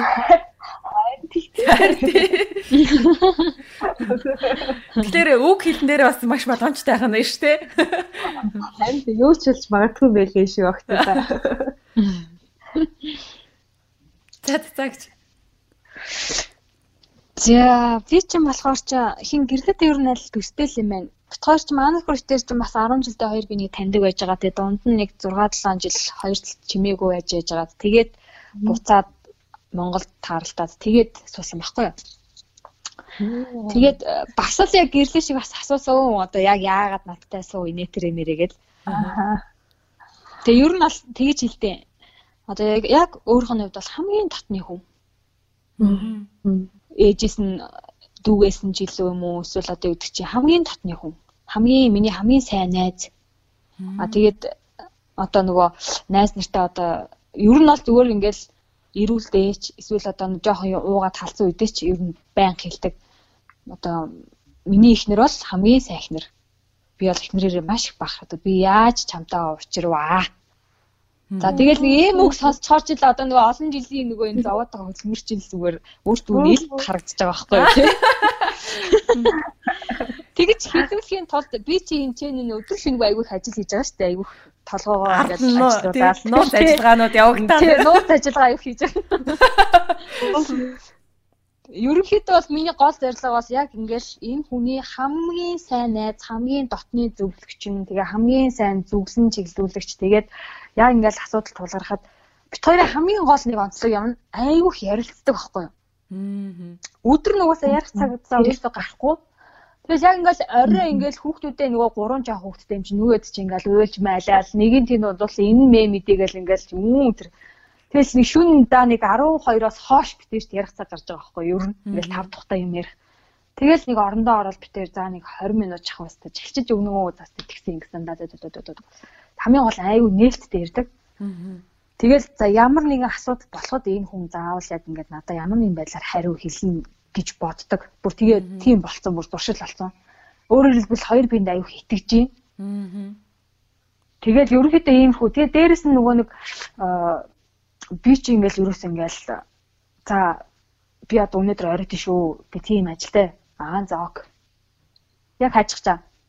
Хизээ ирэх юм. Хөө ирэх болж гинөө? Ерөөсөө тийг залгаж асуухгүй. А яг үнэхээр хүүхд өвдөөд ямар нэгэн асуудал гарах юм бол за хүүхд өвчлөө имслээ тэгчлээ гэж хэлнэ. Тэрнээс бол явлаа би удлаа. Ерөөсөө нэг тийш нэг араас нь чагуулталаад идэх байхгүй юу ер нь. Тэгэхээр өөрөөр хэлбэл би энэ хүнд аюу хитгэдгээ харуулдаг. Тэгэхээр яг нөгөө тэр чанар маань бас энэ хүн хүний бас нөгөө намайг бас нөгөө хайрлахнаас аюу хөндлөлдөг. Бас ингээл хартаал ажил нь хэлэхгүй бас хэцүү. Тэгээ дээр тэгээ бас нэг юм болохоор нөгөө нэг урд нь ингээс мэдээж ингээл яг нөгөө яг нийлэл гэр бүл болохоос өмнө тал талдаа ингээд өөр бас хүмүүстэй найзлах нөхцөл явж исэн хүмүүс байгаа шүү дээ. Тэгээ өөр яг хэлжсэн байхгүй аа. Би ингээл чамтай суумаар байна. Тэгээ тэр үед битэр чинь яг альбисаар ерөөсөө үргэлж үзег урд нь болохоор нэг тийм ах トゥ угийн чим шиг харилцаатай байжсэн чи. Тэгээд яагаад гэвэл би яагаад заавал надтай суух удаа гэсэн чи өөрөө тэгж байгаа байхгүй. Яагаад гэвэл чи би чамааг хамгийн сайн мэднэ а намайг чи хамгийн сайн мэднэ гэж яг тэр үед хэлж байгаа байхгүй. Тэгээ өөрөөр хэлбэл нөгөө айгүй яг тэр үед чимчтэй бас айгүйх юмаа ингээл ярьдаг ингээл нуу чаалгүй ярьдаг. Тэгэхээр нөгөө ээж аавдаа ярьдгүй юмаа хүртэл ингээ хоорондоо айгуусаа ярьдаг байсан юм шиг байна. Тухайн үед те. Тэгээд ер нь тэрнээс хойш ингээд битэрт нэг тийм зуршил тогтсон. Ерөөсөө илэн далангуу байнга ярилцсан. Ер нь тэрүүгээр л ил түлхүү юу яадаг баха. Илүү хайрлагддаг бах гэх юм уу? Тэгэл байнгын сайжруулалтчтэй ингээл одоо нөгөө мэрэгжлийн хэл нөгөө маркетингийн хүмүүс чинь мэрэгжлийн хэл нэг прототип гэж яриад байдаг. Тэгэхээр нэг загвар гаргаад тэгээ тэрийгээ зүгээр нэг санаа байсныгаа нэг хальт хэрэгжүүлээл тэрээ засвар дунд нь орох юм бол тэрийгээ засаа тэгээд яг эцсийн бүтээгдэхүүн болгоно гэд ярьдаг шиг л Тэгэл дундуур ингээл байнгын засвар ажиллагаа ингээл ингээл өөрөө санааш нөгөө түрүүний миний яриад нөгөө айгу мэдрэмжтэй хандаал за одоо энийг жоох ингэж яг болох гэдэг шүү. За одоо энийг жоох ингэж хийгээд ингээд. Тэр хүмүүс ингээд сонсглоор бас нөгөө электроны бид нэрээ ярьжсэн нөгөө нэг эрэгтэй хүн ямар эмэгтэйнийг хайрладаг вэ гэдэг дээр дахиад ингээд нэг юм нэмэгдээ орчиж байгаа айгу том юм.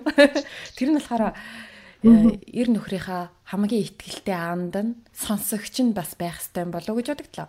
Тэр хүн за эр нөхөр биш найз залуу байсан ч гэсэн те ирээд яг тэр эмэгтэйд л яг итгэж бүх юмаа ярьдаг.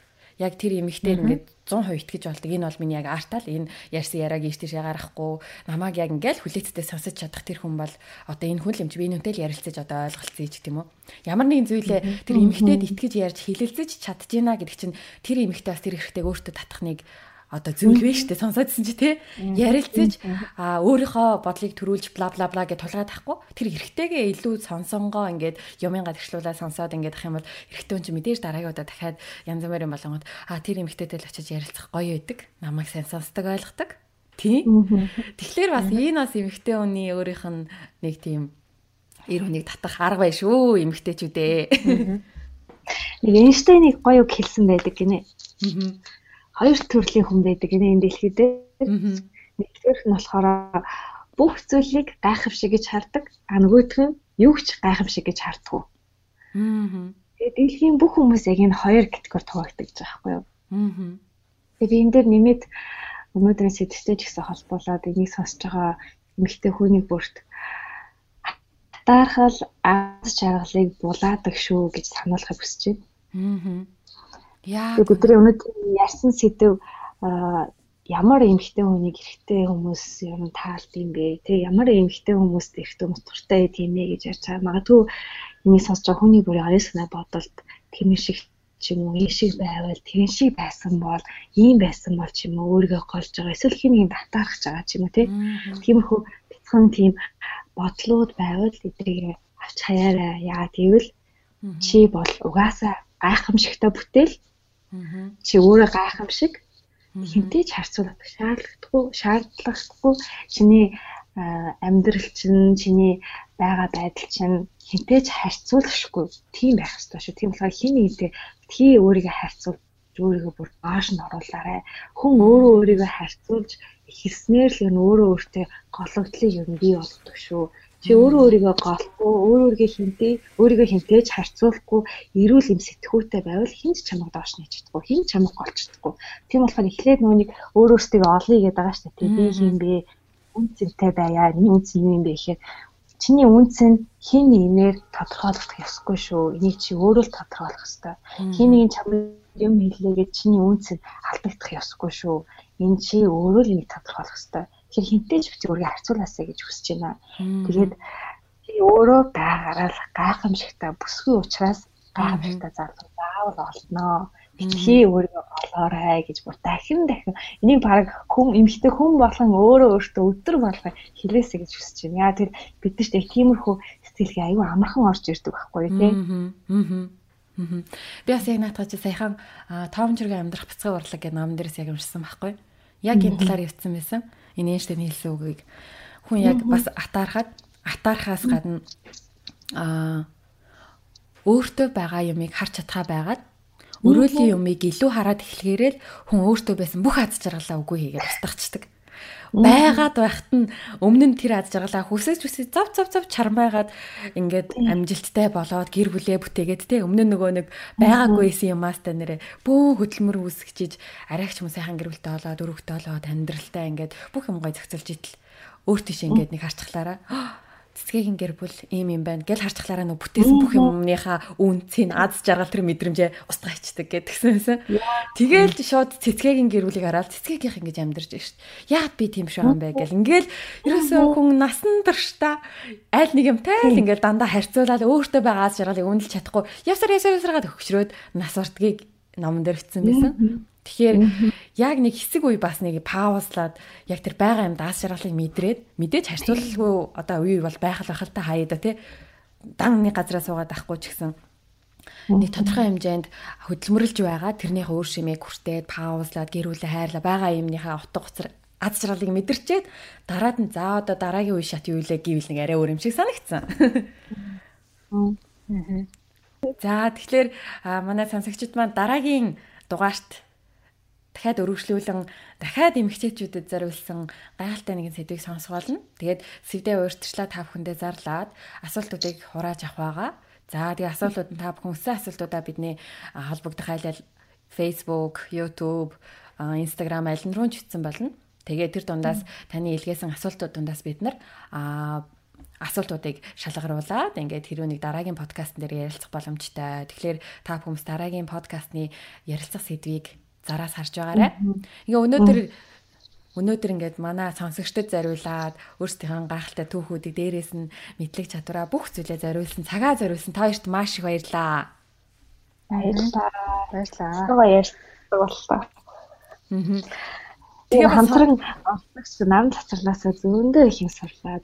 Одоо тэгэл арай хөндлөлтөөр бол эхлэхийг хичээе да.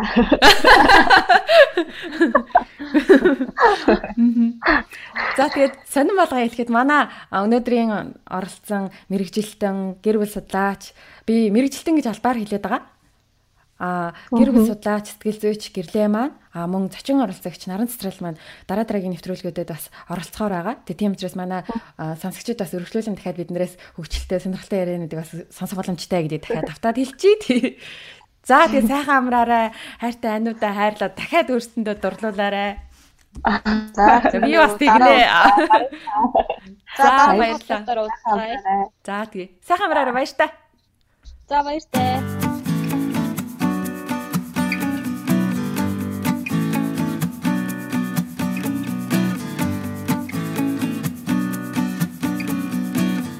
Дүлгөөн подкаст зөвхөн эмэгтэйчүүдтэй зориуллаа.